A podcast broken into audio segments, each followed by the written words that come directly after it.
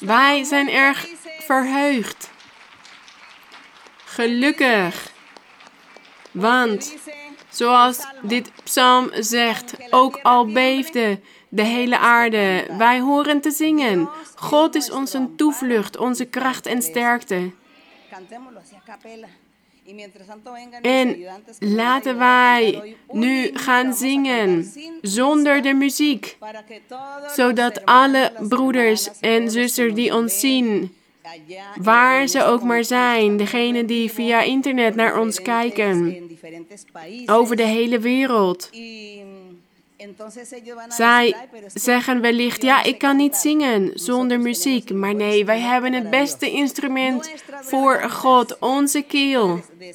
De Heer zegt ook in de psalmen, loof de Heer met jullie kelen. Dus we gaan onze God loven met onze keel. We gaan loflied 197 zingen. Zonder muziek. Zodat jullie allemaal kunnen zien dat wij wel een instrument hebben om onze God te loven. Onze keel. En we zijn erg gelukkig hier vandaag verheugd. Want dit loflied, of dit, net wat, dit koor wat we net hebben gezongen, is, gaat over dat God ons een toevlucht is. En dat Hij in hoge mate een hulp is in nood en smart. En ook al beefde de hele aarde, wij hoeven niet te vrezen, want God is bij ons. Hij beschermt zijn kinderen, hij beschermt zijn volk. Hij is bij ons, hij is met ons. Dus we hoeven niet verdrietig te zijn of bezorgd. Degene die bezorgd is en verdrietig, heeft geen geloof. Die heeft niet geloofd in onze Here. Dus wij geloven in de Here. En daarom vertrouwen wij op Hem. Wij vertrouwen op onze God. Vertrouw allemaal op onze God. Dus we hoeven niet verdrietig te zijn. We zijn niet verdrietig. Laten we altijd tot onze God bidden en onze God zoeken. En wellicht heeft Hij dit allemaal toegestaan, zodat wij gaan nadenken over wat de kerk voor ons betekent, wat God voor ons betekent. En dat God op de eerste plaats moet staan in ons leven. Want zo staat het in de Bijbel. Hou van God boven alles. Dus God is de eerste in ons leven en wellicht is deze tijd daar goed voor. Om hierover na te denken. Om dit te beseffen dat Hij het belangrijkste hoort te zijn in ons leven. Onze herder is Jezus. En zo kunnen jullie dus ook, mijn geliefde broeders en zusters, waar jullie ook maar zijn Waar jullie zijn in jullie huis, waar jullie wonen, waar jullie ook maar zijn, jullie kunnen tot God zingen. Zing tot de Heer. En denk na over elk loflied en elke koor. Denk na over al de woorden die hierin staan. Wat mooi als we dit dan zingen en we zeggen: Ja, als ik moe ben en als ik bezorgd ben, dan bent u aan mijn zijde, mijn Heer. Wat een mooie woorden in dit loflied. En laten we nu vandaag hier verder gaan. U kunt allemaal plaatsnemen en laten wij de Bijbel gaan lezen. Ik ga deze tijd goed benutten om de Bijbel te lezen. Dus we gaan een aantal passages uit de Bijbel lezen en we gaan elk vers overdenken. Een aantal versen waar we van willen leren. Om te weten wat God ons wil onderwijzen door middel van zijn woord. Want we weten dat God bestaat dat God de eigenaar is, degene die heerst de, over de natuur, over het heelal. Hij is de schepper, dus hij heerst ook over alles. Hij is het die alles bepaalt. Hij bepaalt of er iemand overlijdt of blijft leven. Dus alles hangt van God af, de dood en het leven. Niemand zal overlijden omdat hij dit wil of omdat iemand anders dit wil. Of omdat hij een virus krijgt dat zijn leven gaat afnemen. Nee, als God niet wil dat deze persoon hieraan overlijdt, ook al is dit virus heel sterk, dan zal God het niet toestaan. Want God zal dan zeggen: nee, hij mag niet overlijden aan dit virus. Dus ons leven hangt af van God. En dat lezen we in de Bijbel. Dus we horen te vertrouwen op onze God. En God volgen. En ook de mensen onderwijzen. De wereld onderwijzen. Iedereen onderwijzen. Degenen die om ons heen zijn. Dat alles van God afhangt. We weten niet. Of ja, wellicht begrijpen we waarom de overheden van de wereld, waarom ze zo bezorgd zijn en zoveel maatregelen hebben getroffen die overdreven zijn, zo zal ik het maar noemen. Maar ze hebben gelijk, want ja, vast en zeker hebben zij geen ervaringen met een ware God, met een levende God die leidt en die tot ons spreekt, zoals dit bij ons gebeurt. Dus, en wij kunnen hier niks aan doen. We moeten de maatregelen respecteren en gehoors, hieraan gehoorzamen. Maar we zeggen tegen hen, God bestaat. En we horen God de eer te geven door te geloven dat Hij bestaat.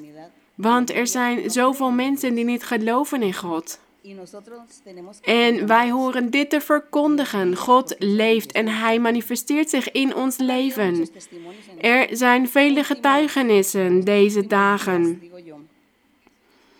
van personen die ook dit virus hebben gehad. En ja, mensen speculeerden aan het begin en zeiden van ja, wellicht is dit een leugen, dat virus, dat het helemaal niet bestaat.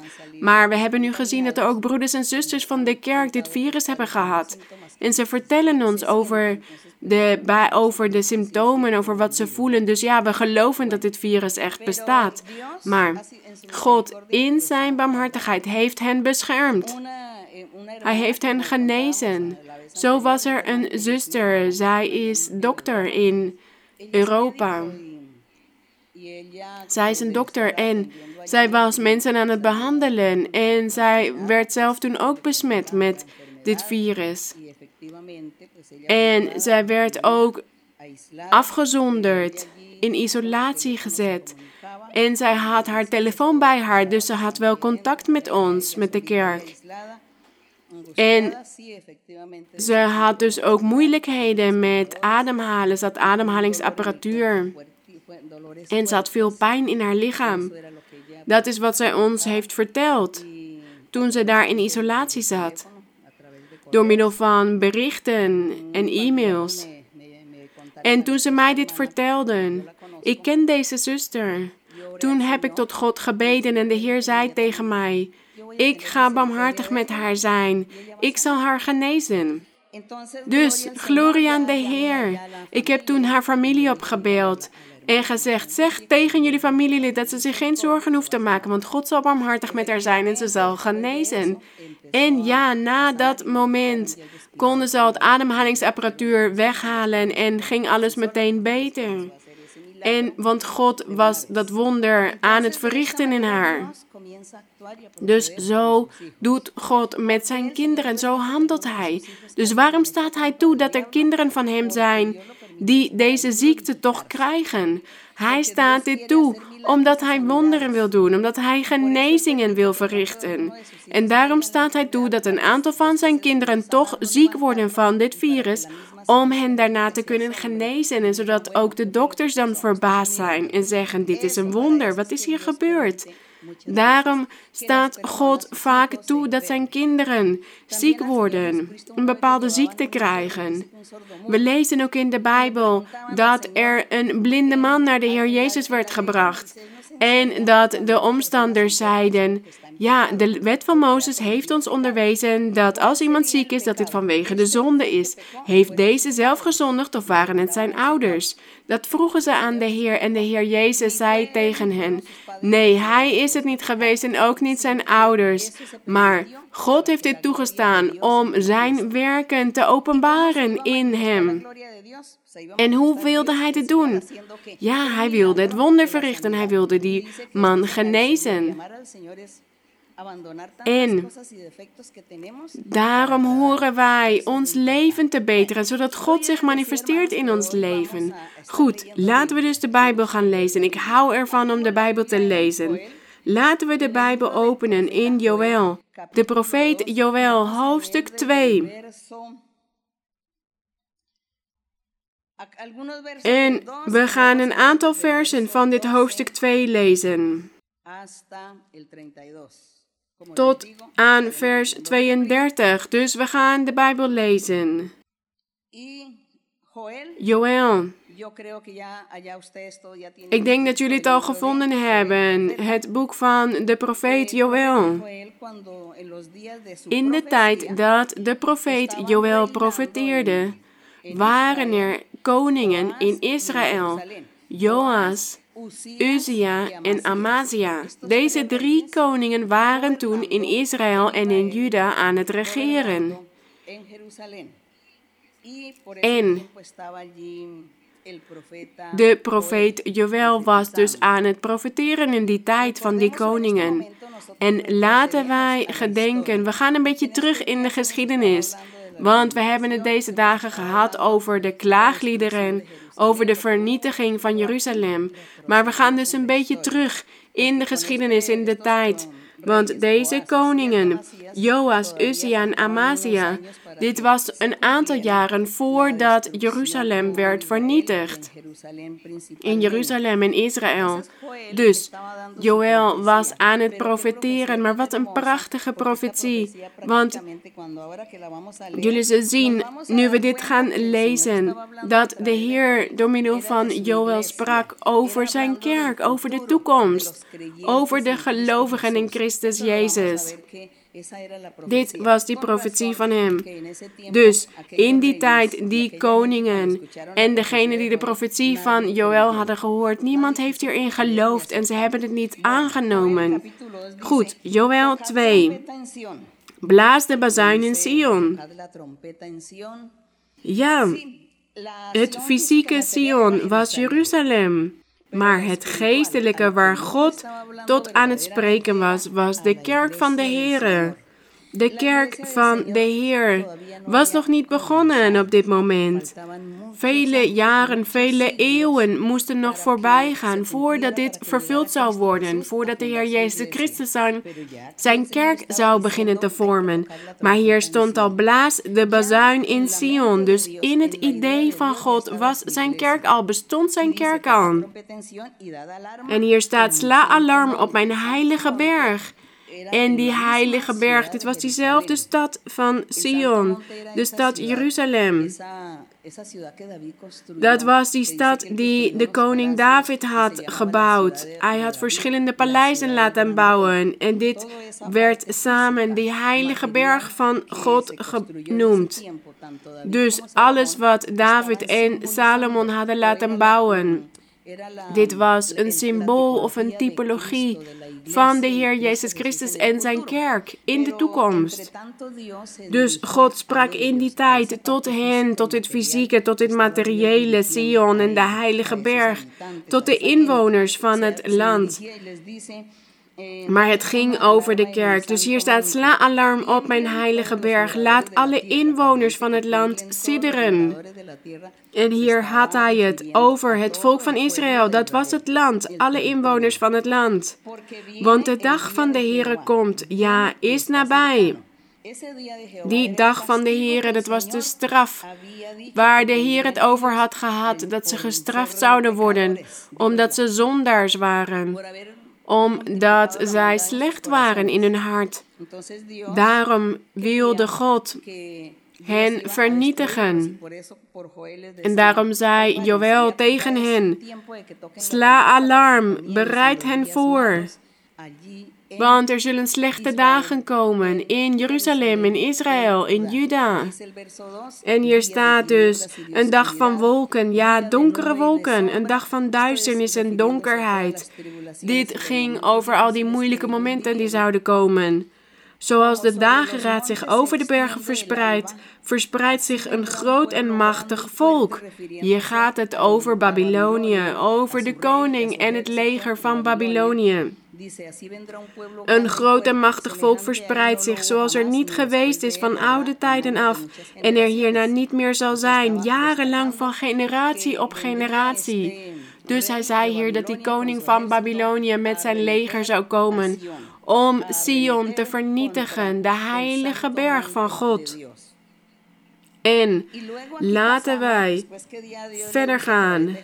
Want hier zei hij dus door middel van de profeet Joël dat ze zich moesten voorbereiden voor de straf. Jeruzalem en de inwoners van het volk van Israël, van het land van Israël.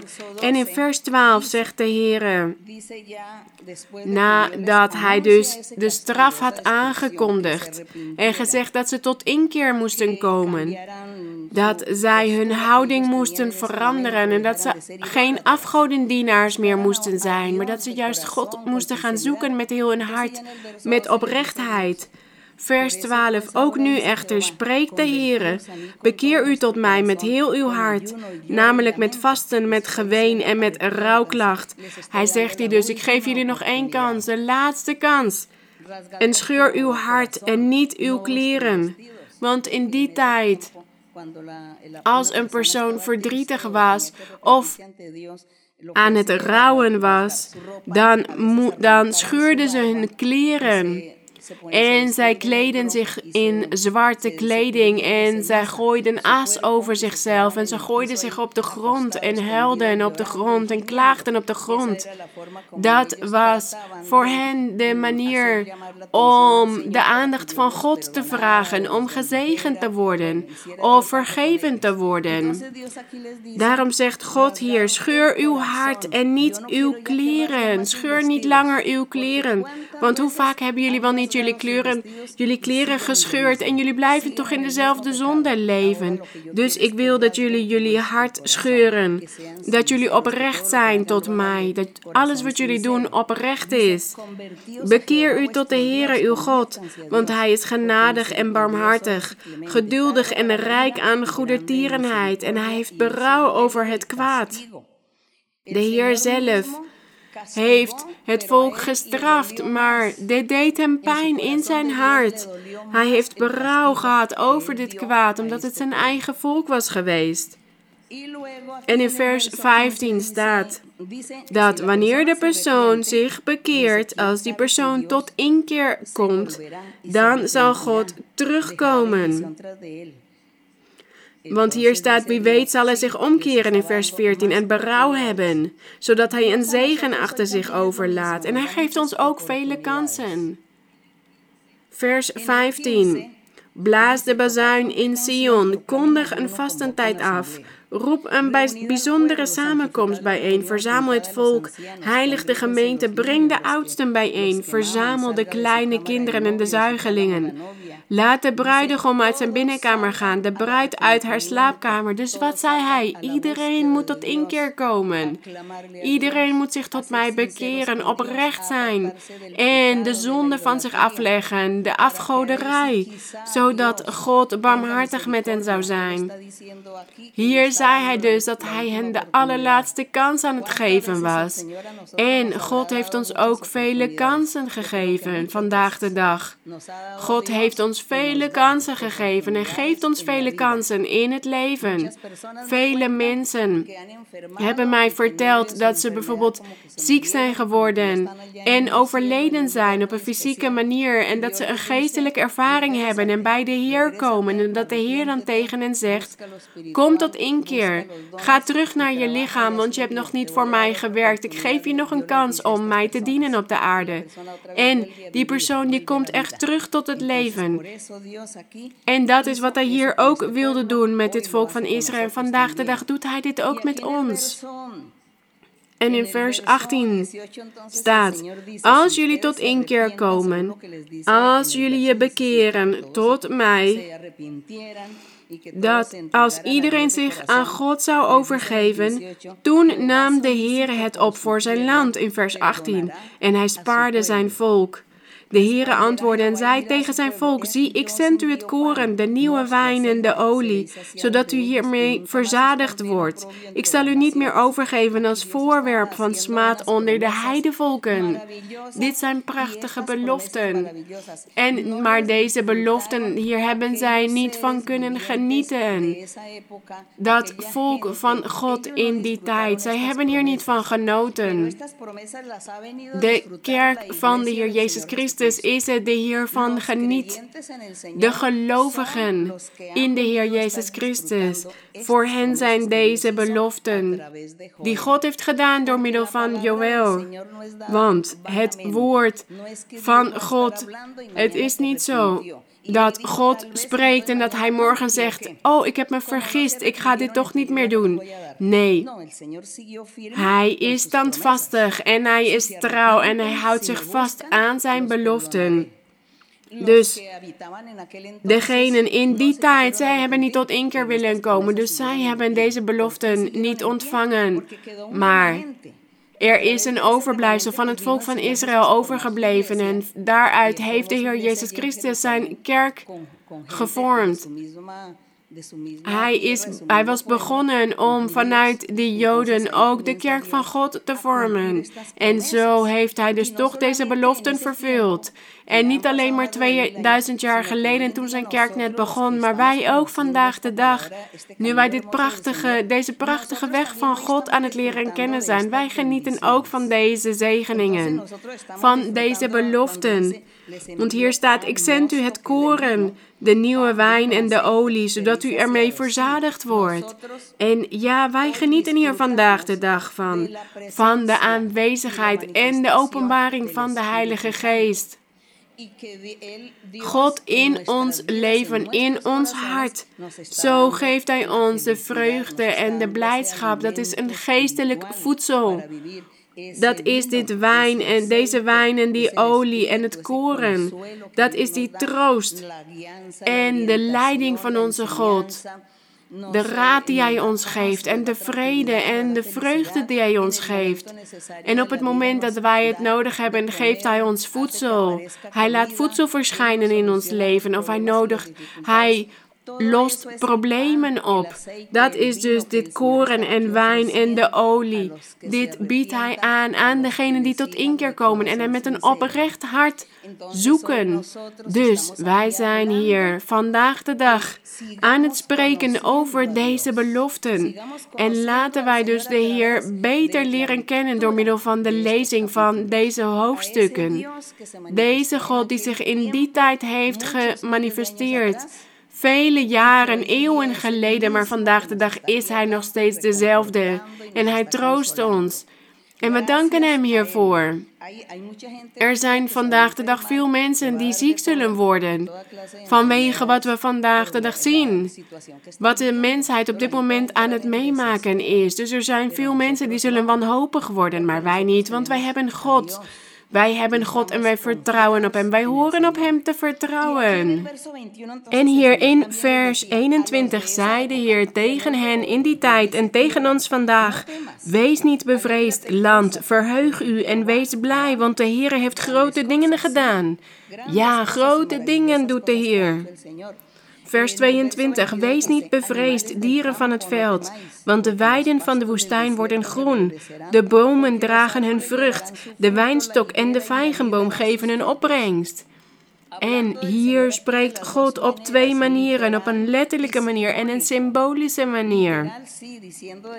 Want op een letterlijke manier was dit de overvloed van eten dat er zou zijn in die tijd. Maar op een symbolische manier gaat het hier over de mensen. Deze dieren, dit zijn mensen. En de weiden van de woestijn worden groen, staat hier. Die woestijn, dat is het hart zonder God. Maar als dat hart God aanneemt, dan worden de weiden groen in die woestijn. Want in een woestijn zien we nooit groen. Daar zien we nooit planten bijvoorbeeld. Maar als het hart God accepteert, Als God naar het hart van die persoon komt, dan wordt dit een woestijn met groene weiden. Want dat zijn die zegeningen van onze Heer op een symbolische manier. En hier staat, de bomen dragen hun vrucht. En deze bomen, dit zijn ook mensen. Het gaat hier over mensen die vrucht dragen. De Heer zei, elke boom die geen vruchten draagt, die zal uitgeworpen worden en verbrand. Maar elke boom die wel vrucht draagt, die zal gereinigd worden om nog meer vrucht te gaan dragen. En het ging hier dus over de personen, mannen en vrouwen, die vrucht dragen voor de Heer die een goed leven leiden, een heilig, oprecht leven, vol waarden en deugden. Een leven vol barmhartigheid, liefde, tolerantie, erkenning en begrip met elkaar, van elkaar houden, elkaar vergeven. Want niemand van ons is nog volmaakt. We hebben allemaal wel een defect in ons, iets wat we fout doen. En we hebben ook allemaal wel kwaliteiten. En allemaal verschillende kwaliteiten wellicht. Dus we horen begrip voor elkaar te hebben voor elkaar te bidden, zodat we allemaal beter kunnen worden. Dat we voor elkaar bidden. Ik bid voor jou, zodat je beter wordt. Jij bidt voor mij, zodat ik beter word. En niet elkaar bekritiseren of kwaadspreken en zeggen, ja, hij doet slecht en kijk wat hij doet of wat hij zegt. Nee, wij als kinderen van de Heer, de kerk van de Heer, er hoort begrip te zijn en liefde en beleefdheid. Respect. Uit de kerk van de Heer horen alle waarden en deugden te komen die naar de wereld worden verspreid, over de hele wereld. Dus hier staat, wees niet bevreesd, dieren van het veld, want de weiden van de woestijn worden groen, de bomen dragen een vrucht en ook de wijnstok en de vijgenboom geven een opbrengst. En u, kinderen van Sion, verheug u en wees blij in de Heere uw God. Hij zal u geven, de leraar tot gerechtigheid. Die zal regen op u doen neerdalen, vroege regen en late regen in de eerste maand. Wat betekent dit, die vroege regen en late regen? De vroege regen die God had gegeven, dit was de openbaring van God sinds Mozes. Laten we gedenken dat Mozes een berg op was gegaan en veertig dagen en veertig nachten met God had gesproken. En God had hem de beloften gegeven, de geboden en de wetten. En God begon zich toen te manifesteren in hun midden vanaf dat moment. Ook met Jozua en daarna de richteren en daarna de koningen. En toen waren er profeten van God en God deed wonderen en tekenen. Hij manifesteerde zich in het volk en hij daalde neer, zijn heerlijkheid daalde neer toen Salomo die mooie tempel had laten bouwen. Dat noemen we de vroege regen. Dus die eerste manifestatie van God, die eerste openbaring van God jegens de mens. Die, dat was zo mooi, die openbaring, dat hij sprak tot de mensen door middel van profeten en visioenen en dromen. Dit is die vroege regen. Vroege regen in de eerste maand. En wat staat hier nog meer? Late regen. Late regen in de eerste maand. En die late regen, er zou dus nog een regen zijn voor in de toekomst. En dat is waar wij vandaag de dag aan van het genieten zijn. De glorie is aan de Heer, want wij hebben vandaag de dag die late regen op een geestelijke manier, de geestelijke gaven, de dromen. Soms begrijpen wij de dromen of visioenen die God ons geeft niet helemaal, maar God denkt toch aan ons.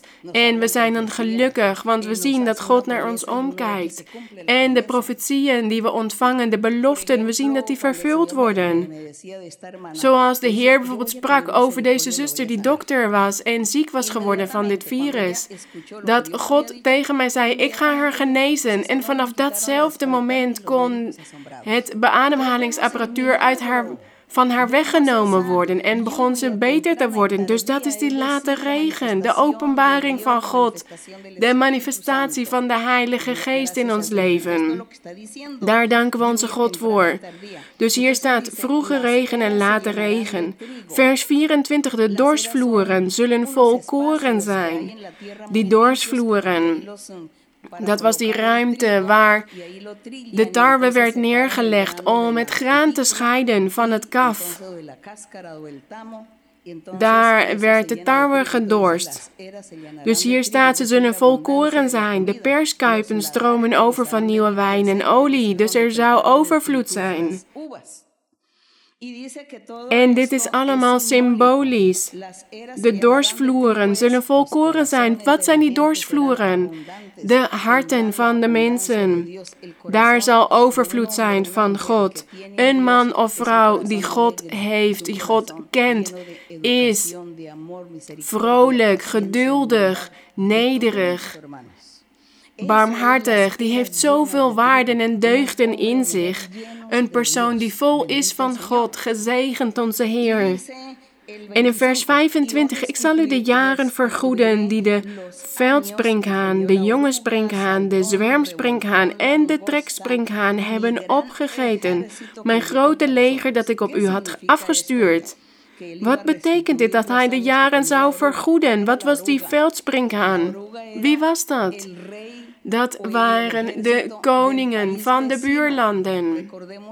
Laten we gedenken dat de Syriërs en de Assyriërs en de Egyptenaren en de Chaldeeën en al die buurlanden om het volk van Israël heen, dat zij naar Israël waren gekomen om Israël aan te vallen, om oorlog te voeren tegen de Israëlieten.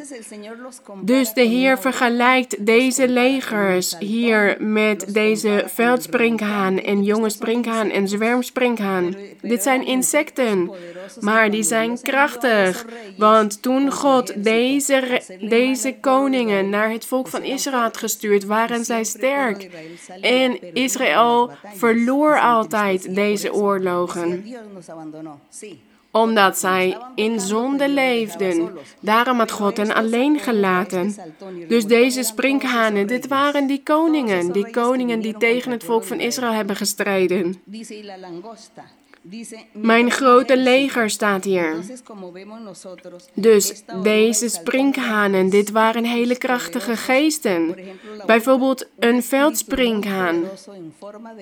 Dit was dan een sterke geest die bijvoorbeeld in de koning van Syrië was gegaan om de Israëlieten kwaad te doen, om hen te vernietigen.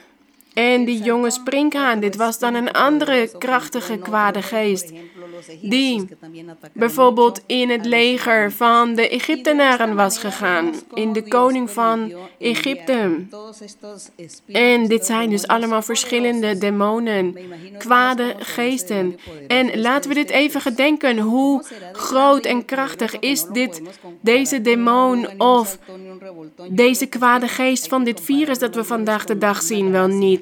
We kunnen, ze niet, we, kunnen deze, dit virus, deze demon niet vergelijken met een sprinkhaan.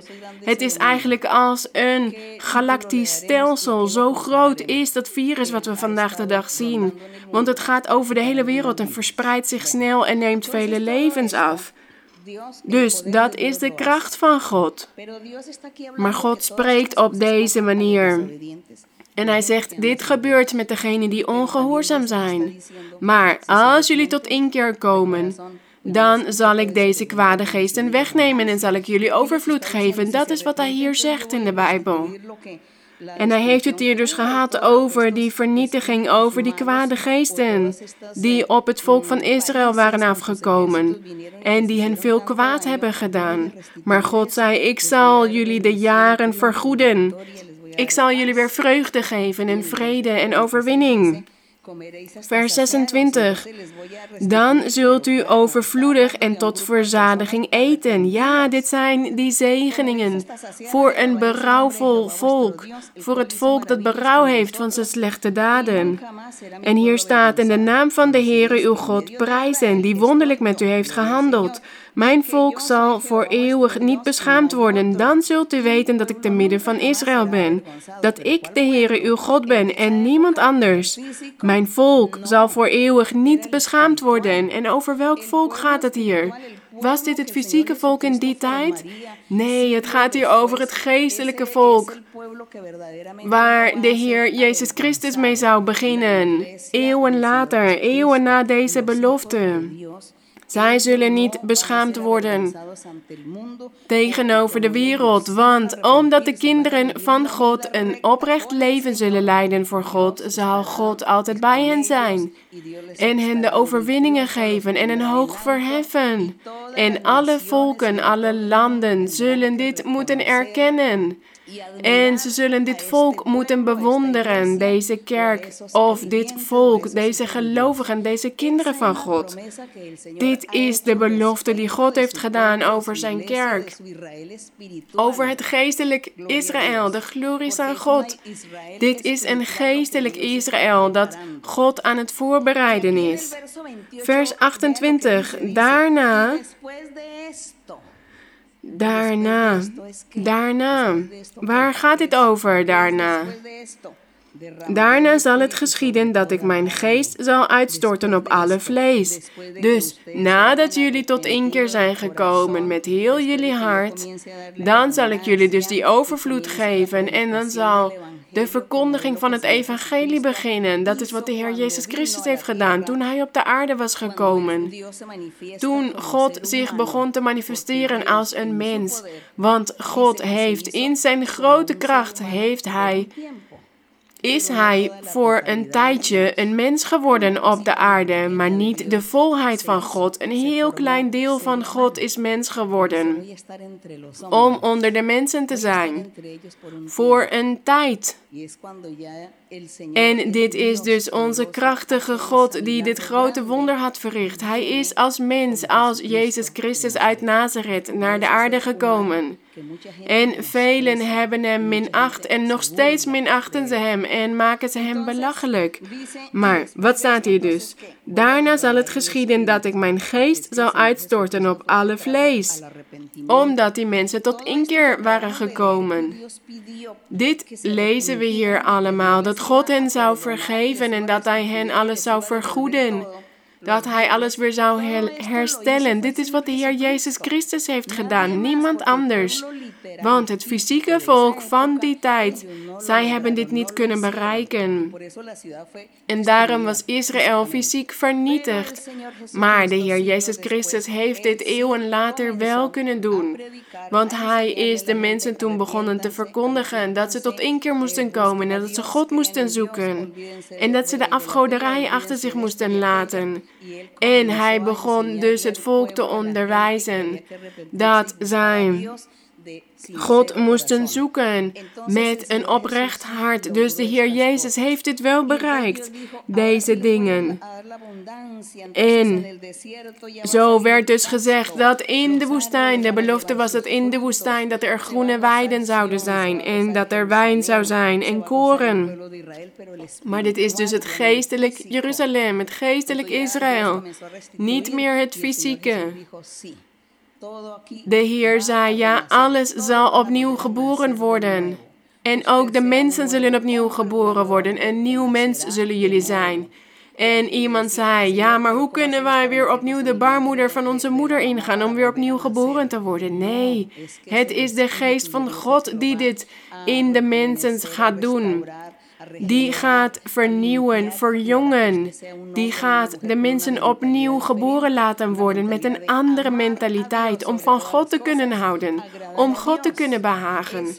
Dat is wat de Heer had gedaan in die tijd en wat Hij nog steeds aan het doen is.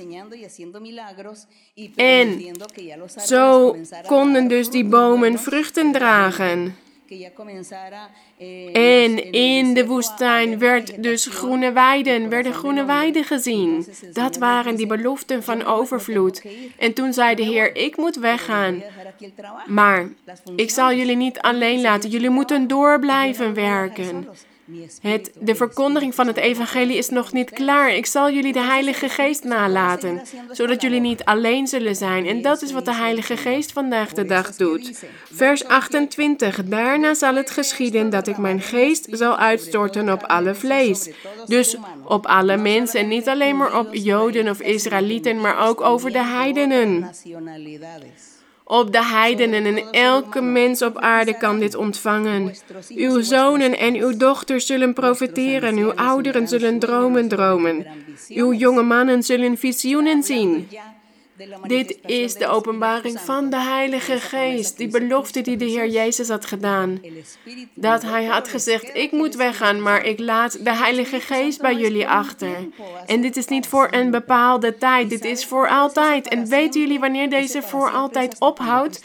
Wanneer de Heer Jezus Christus in de wolken zal komen voor zijn kerk, dan zal hij zijn kerk ophalen en ook de Heilige Geest zal weggaan van de aarde. Maar totdat dat gebeurt, zal de Heilige Geest hier zijn op aarde. Voor degenen die geloven in God. Voor degenen die erin geloven dat de Heilige Geest bestaat en dat Hij leidt en dat Hij raad geeft en dat God zich op deze manier manifesteert. God die spreekt tot de mensen op deze manier. En hoe moeilijk is het voor vele mensen om dit te kunnen begrijpen, om dit te kunnen accepteren. Er zijn velen die sceptisch zijn en die atheïstisch zijn en die geloven in hun eigen kracht, in hun geld, in hun posities, in hun werk of in hun overheid, in hun kennis. Daar geloven zij in, in zichzelf. Ze geloven in zichzelf, in hun wetenschap, in hun technologie. Maar ze willen niet geloven in een krachtige God die alles doet en alles bepaalt. En die toe heeft gestaan dat zij wetenschappers zijn en dat ze veel weten en dat ze kennis hebben. Dat willen ze niet begrijpen, dat willen ze niet aannemen. Dat verwerpen zij, die kennis. Zij kunnen God de eerste plek niet geven, dat willen ze niet. Maar de kerk van de Heer, glorie aan God, die wordt op dit moment beschermd door de kracht van de Heilige Geest. Door de kracht van onze God, zijn barmhartigheid, is het die zijn kerk beschermt. De uitverkorenen van God, ook al zijn we maar weinigen in aantal. Ja, de Heer heeft vast een vergrootglas nodig om ons te kunnen zien op de aarde. Als we zien hoeveel mensen er op aarde zijn. Maar wij houden van onze God. En wij geven Hem de eerste plek in ons leven. En we vertrouwen op Hem. En er zijn mensen die zeggen, de kerken zijn gesloten, dus de kerk zal ophouden. Nee, ja, er zullen wellicht mensen vertrekken van de kerk. Degenen die alleen maar naar het materiële zoeken, ja, die zullen niks vinden en die zullen wellicht uit de kerk weggaan. Maar degenen die van God houden, God is bij hen en de kerk is bij hen, want de kerk is ons hart. Dus we kunnen niet zeggen de kerk is dicht. Nee, de kerk is niet dicht. Jullie zijn de kerk. Jullie, uw hart is de kerk. Dus denk niet op deze manier en praat niet op deze manier. De Heer zei hier dat Hij over de dienaren en dienaressen ook zijn geest zou uitstorten. En in vers 30, ik zal wondertekenen geven aan de hemel en op de aarde. Bloed en vuur en rookzuilen. Dit was niet fysiek. En dit ging niet over de fysieke zon en maan in vers 31, dat de zon veranderd zal worden in duisternis en de maan in bloed. Nee, het gaat hier over belangrijke personages. Het volk van Israël was als een zon, als een maan. De belangrijkste hemellichamen representeerden hen. Want het was het volk van God, het bevoorrechte volk van de Here. Dus zij waren de belangrijkste op de aarde. Maar hier staat dat ze duisternis zouden worden en in bloed zouden veranderen. Dat is omdat ze niet hebben geloofd ze wilden niet geloven in de Heer Jezus Christus en zij hebben hem op een fysieke manier laten sterven. Daarom zijn ze in de duisternis gebleven. En hier staat ook dat de maan in bloed zou veranderen. Ja, dit is metaforisch. Er zijn vele oorlogen geweest. En nadat de Heer Jezus Christus was opgestegen naar de hemel, 40 jaar later was er weer een vernietiging in het volk van Israël. Een leger dat weer alles heeft vernietigd. De tempel heeft vernietigd, alles heeft meegenomen en er was ook veel sterfte. En alle Israëlieten werden toen verspreid over heel veel verschillende plekken. Dus op een fysieke manier. Op een materiële manier hebben we gezien dat dit vervuld is. Maar het geestelijke bestaat nog steeds. De kerk van de Heer. De Heer zei: Mijn koninkrijk is niet van deze wereld. Mijn koninkrijk is niet fysiek, het is geestelijk. En mijn koninkrijk zal niet alleen uit Joden bestaan, maar uit mensen over de hele wereld, van alle verschillende landen, iedereen die gelooft en die God zoekt met heel zijn hart. Die zal de geest van God ontvangen en met hen zal ik mijn kerk vormen. Dus daarom is het geestelijk. Want de kerk zit in ons hart. En daarom zeggen we dat de kerk geestelijk is, niet fysiek. Het is geen fysieke plek of een fysieke ruimte. En dit is heel moeilijk voor velen om dit te kunnen begrijpen om dit te kunnen bevatten, maar voor anderen is dit heel makkelijk te begrijpen. En daarom moeten we het hierover hebben in de Bijbel lezen en altijd hetzelfde onderwijzen, zodat iedereen dit kan begrijpen. En laten we nu naar Handelingen gaan, naar het boek Handelingen van de Apostelen, om te zien of deze beloften vervuld zijn. Er zijn vast vele eeuwen voorbij gegaan. Ik heb niet precies geteld hoeveel eeuwen er voorbij waren gegaan voordat dit van deze beloften van Joël vervuld werden. Maar laten we lezen hier in Handelingen om te kijken of dit waar is. Handelingen hoofdstuk 1. Om te kijken of die God die door middel van de mond van de profeet Joël had gesproken tot de koningen in die tijd, die in Jeruzalem aan het lijden waren, aan het heersen waren, of dit wel woorden van God waren, van die krachtige God. Vele eeuwen waren voorbij gegaan en nu komen we hier in Handelingen van de apostelen aan. Vers 1, hoofdstuk 1. Het eerste boek heb ik gemaakt, o Theophilus, over alles wat Jezus begonnen is te doen en te onderwijzen. Deze ik, dit is Lucas, die dit boek de Handelingen heeft geschreven. En hij schreef naar, deze, naar dit personage, een belangrijk, wijs persoon deze Theophilus. En hier staat dus dat hij een boek had gemaakt over alles wat Jezus begonnen is te doen en te onderwijzen. Tot op de dag waarop hij is opgenomen, nadat hij door de Heilige Geest aan de apostelen die hij uitgekozen had, opdrachten had gegeven. Hij heeft zichzelf, nadat hij geleden had, ook levend aan hen vertoond, staat hier. Met veel onmiskenbare bewijzen. Niemand heeft hier aan getwijfeld.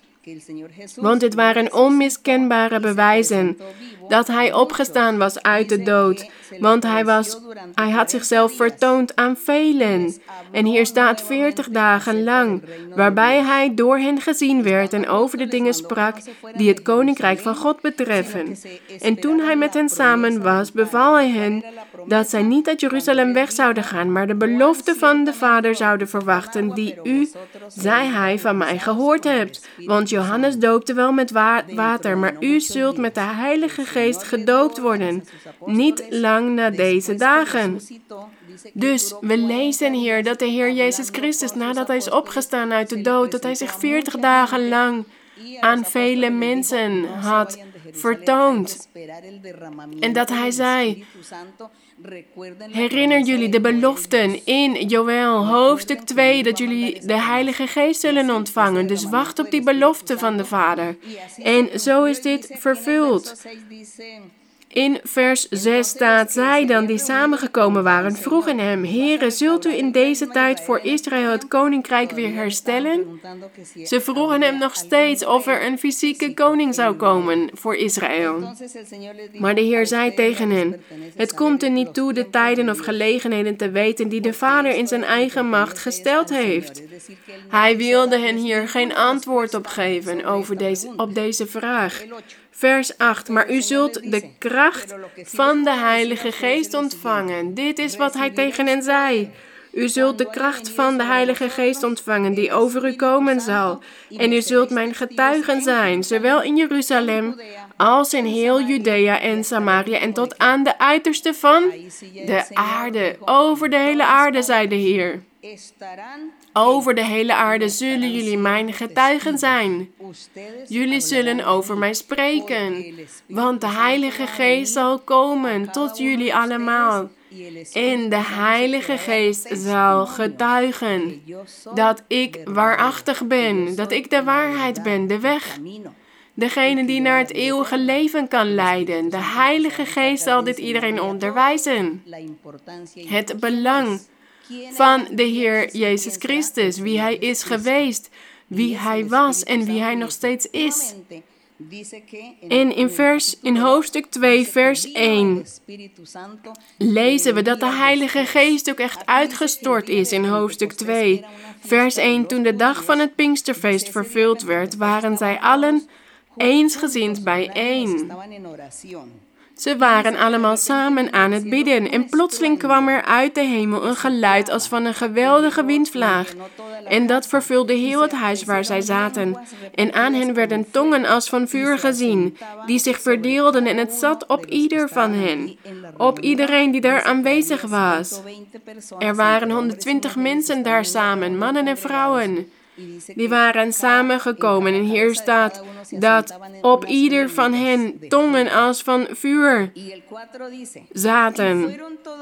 Vers 4 En zij werden alle vervuld met de Heilige Geest en begonnen te spreken in andere talen, zoals de Geest hun gaf uit te spreken. Dus de Heilige Geest was daar bij hen en doopte hen. Zij hebben hier de uitstorting van de Heilige Geest ontvangen, zoals de profeet Joël dit had beloofd, wat we net hebben gelezen. En ze begonnen dus te profeteren tot alle mensen die daar samen waren. Er waren mensen samen van vele verschillende landen en talen. En ze waren allemaal verward, verbaasd.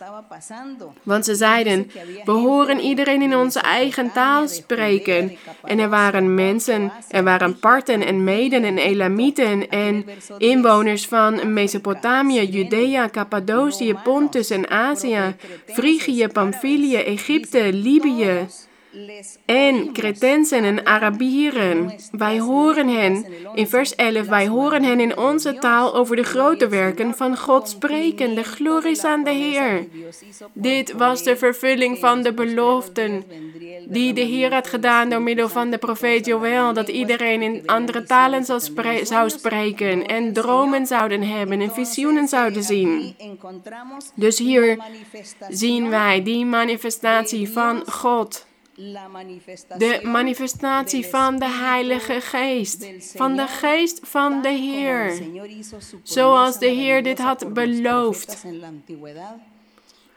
Dus, en ook als wij Jesaja lezen, vinden we vele prachtige beloften dat God had gesproken over alles wat hij de mensheid zou aanbieden.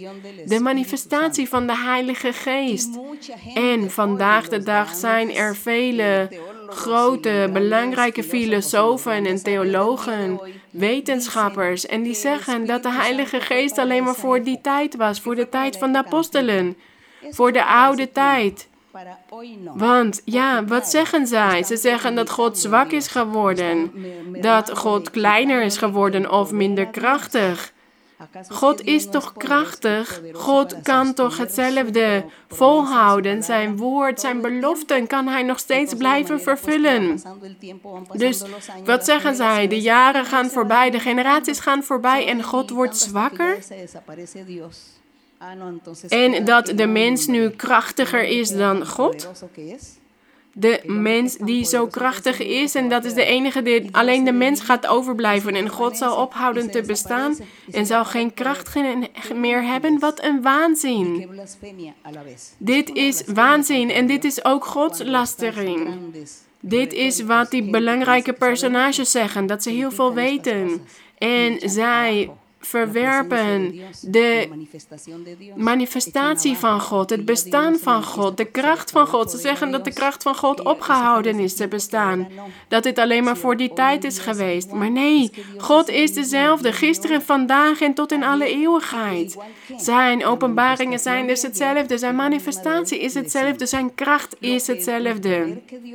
De kracht die God had in de tijd van Mozes en in de tijd van het volk van Israël, de wonderen die hij heeft gedaan in die tijd, die kracht, die is hetzelfde vandaag de dag en die zal hij ook altijd, hij zal even krachtig blijven. En wie stuurt alle orkanen en natuurkrachten aan? God is dit. Ja, de mens is het die klein is en krachteloos en hier niks tegen kan doen. De mensen moeten zich verstoppen, als het ware onder de grond, in de grond, om niet geraakt te worden door een orkaan of door een storm. Dus God is het die kracht heeft. En deze filosofen en theologen en wetenschappers die eigenlijk niks weten, horen tot inkeer te komen en de Bijbel te lezen. En tot inkeer te komen, God te zoeken, zodat God hen kan onderwijzen. Want ze zijn hun tijd aan het verliezen en de toorn van God zal komen over al deze mensen. Want dat is wat er zal gebeuren. En ja, zij zeggen wellicht, oh, die in de kerk zijn, dit zijn analfabeten. Ze zijn dom, ze zijn onwetend. Maar ook al zouden we dit zijn, wij zijn aan het genieten van de grootheid van onze God, van de hand van onze God in ons leven. Er zijn mensen in de kerk die zijn ontvoerd geweest en God heeft hen op een wonderbaarlijke manier kunnen bevrijden, bevrijd van hun ontvoering of van een bepaald gevaar, of als iemand honger heeft, dat God dan een dier op hen afstuurt om hen eten te geven, dat kan alleen een krachtige God doen. Dat kunnen geen grote personages op de wereld doen, of wetenschappers, of theologen of filosofen. Zij kunnen dit niet doen. Zij hebben die kracht niet. Zij hebben alleen maar heel veel woorden, maar niks meer. Ze hebben geen kracht. En wij danken onze Heer, want God heeft ons zijn kracht gegeven. Maar welke kracht? De kracht om op God te vertrouwen, de kracht om te bidden, om tot onze God te spreken en van Hem te houden. Dat is die kracht die God ons heeft gegeven. De glorie is aan zijn naam. Mijn geliefde broeders en zusters, iedereen die ons vandaag heeft gezien, mogen God jullie groot zegenen, mogen God bij jullie zijn. Wij zijn sterk, de kinderen van God zijn sterk. De kinderen van God zijn de machtigen op de aarde. Zo zegt de Bijbel dit, zo zegt God dit. Geloof is onze Heer. Verheerlijkt is de naam van onze God. Laten we gaan bidden. En laten wij gaan bidden om onze God te bedanken, onze Schepper, onze Vader. Dank u, Heer. Dank u, Heer. Eeuwige Vader, u bent de Schepper van de hemel en de aarde. U bent onze Schepper. U bent onze Koning, onze Heerser. U bent de Almachtige, de Rechtvaardige en de Barmhartige de grote koning, koning der koningen, de heilige der heiligen, Heer der heren. Wie zoals u, mijn Heer? Wie is zoals u, mijn Heer? U bent onze krachtige God. We danken u, mijn Heer. We danken u, mijn Heer, want we kennen u. We hebben uw krachtige hand gezien. We hebben uw barmhartige hand gezien, die wonderen heeft gedaan in ons leven. Wij zijn geen onwetenden, mijn Heer, zoals de wereld dit soms zegt. Wij zijn geen onwetenden, nee, mijn Heer. Wij beschouwen ons juist als intelligent, als degene die kennis hebben. Want degene die God kent en zijn weg volgt, die zijn intelligent. En die hebben kennis. We danken u, mijn Heer, hiervoor, voor dit voorrecht dat u ons heeft gegeven. We danken u ervoor dat u ons uw weg heeft laten leren kennen, uw woord, uw Bijbel.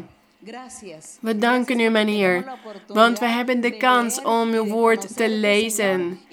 En dat ons hart vreugdevol en verblijd wordt in u, mijn Heer, onze zaligmaker.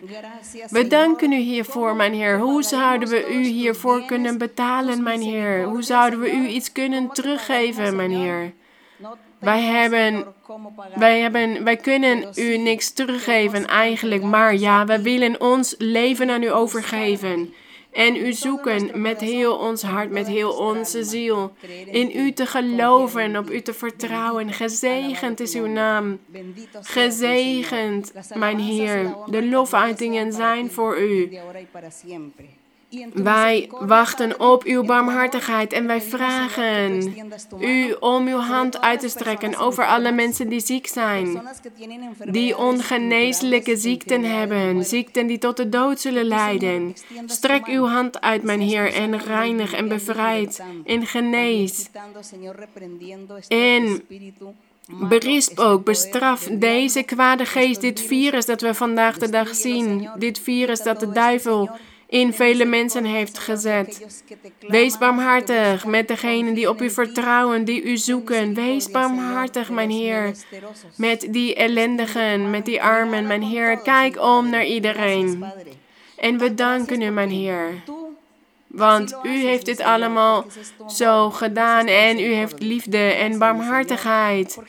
En wij hebben niet genoeg woorden om u te bedanken, om u alles te zeggen wat onze ziel voelt, wat ons hart voelt. Want die taal kennen wij eigenlijk niet, maar u kent ons hart. U kent onze ziel. We danken u, mijn Heer, voor de genezingen, voor de wonderen omdat u het gebed van uw kinderen aanhoort. Troost uw kinderen, want er zijn sommigen die zijn verdrietig geworden en zwak en die zijn bezorgd. Grote zegeningen. Grote zegeningen zullen komen voor allen, al mijn kinderen die van mij houden en die mij waarachtig volgen. Voor hen zullen er overwinningen zijn en overvloed en voorspoed en beloningen. Ik zal volmaakte geestelijke gaven geven aan mijn kinderen en jullie zullen mij dienen, want ik zal vele profeten en leraars laten opstaan. En er zal een volmaakte eenheid zijn onder die profeten die ik op zal laten staan die mij zullen dienen en mij zullen volgen. En jullie zullen profiteren tot vele belangrijke personages. Jullie zullen profiteren en hier nooit moe van raken, want dat is mijn kracht, mijn woord. En mijn geest zal bij jullie zijn. En die zal verheugd zijn in jullie en jullie verheugd maken. Ga door, ga door, want er zijn vele zegeningen. Alles zal komen op zijn tijd. Klaag niet, maar wees juist gelukkig, verheugd en blijf standvastig, want er zal zegening zijn. En voorspoed en ik zal me groots manifesteren. En de geestelijke gaven zullen volmaakt zijn in velen. en velen zullen spreken over mijn kracht, over mijn woord en ze zullen reizen naar vele plekken om mijn woord te verkondigen. Oprechtheid en begrip en eenheid. Dit vraag ik van jullie allemaal. Begrip onder elkaar, voor elkaar en liefde voor elkaar en vergeving voor elkaar en eenvoudigheid en nederigheid en tolerantie. Wees niet trots of boos op elkaar. Wees juist rustig. Er zal jullie niks ontbreken, aan niets ontbreken. Ik zal jullie alles geven wat jullie nodig hebben. Niemand zal gebrek lijden. Dus zoek naar het mijne, zoek naar het geestelijke. Ga door en wees standvastig. Raak niet ontmoedigd, want er zullen grote zegeningen zijn voor velen. Overwinningen en veranderingen grote zegeningen. Dank u, mijn Heer. Dank u, Heilige Vader, Hemelse Vader. Dank u, mijn Heer. Wij zijn het niet waard, mijn Heer, al die beloften die u ons geeft. Maar uw liefde is voor altijd. Dank u, halleluja. Dank u, Heer. Gezegend onze Heer, gezegend uw naam. Halleluja, de glorie is aan u. We danken u, mijn Heer. We danken u, Vader. De glorie en de eer zijn altijd voor u, mijn Heer. Dank jullie wel, mijn geliefde. Ja, wat kan ik zeggen? Kijkers, degenen die mij zien en die mij horen, dank jullie wel. Ik hou van jullie. Mogen God jullie zegenen. Voorwaarts, voorwaarts met geloof. Dank jullie wel.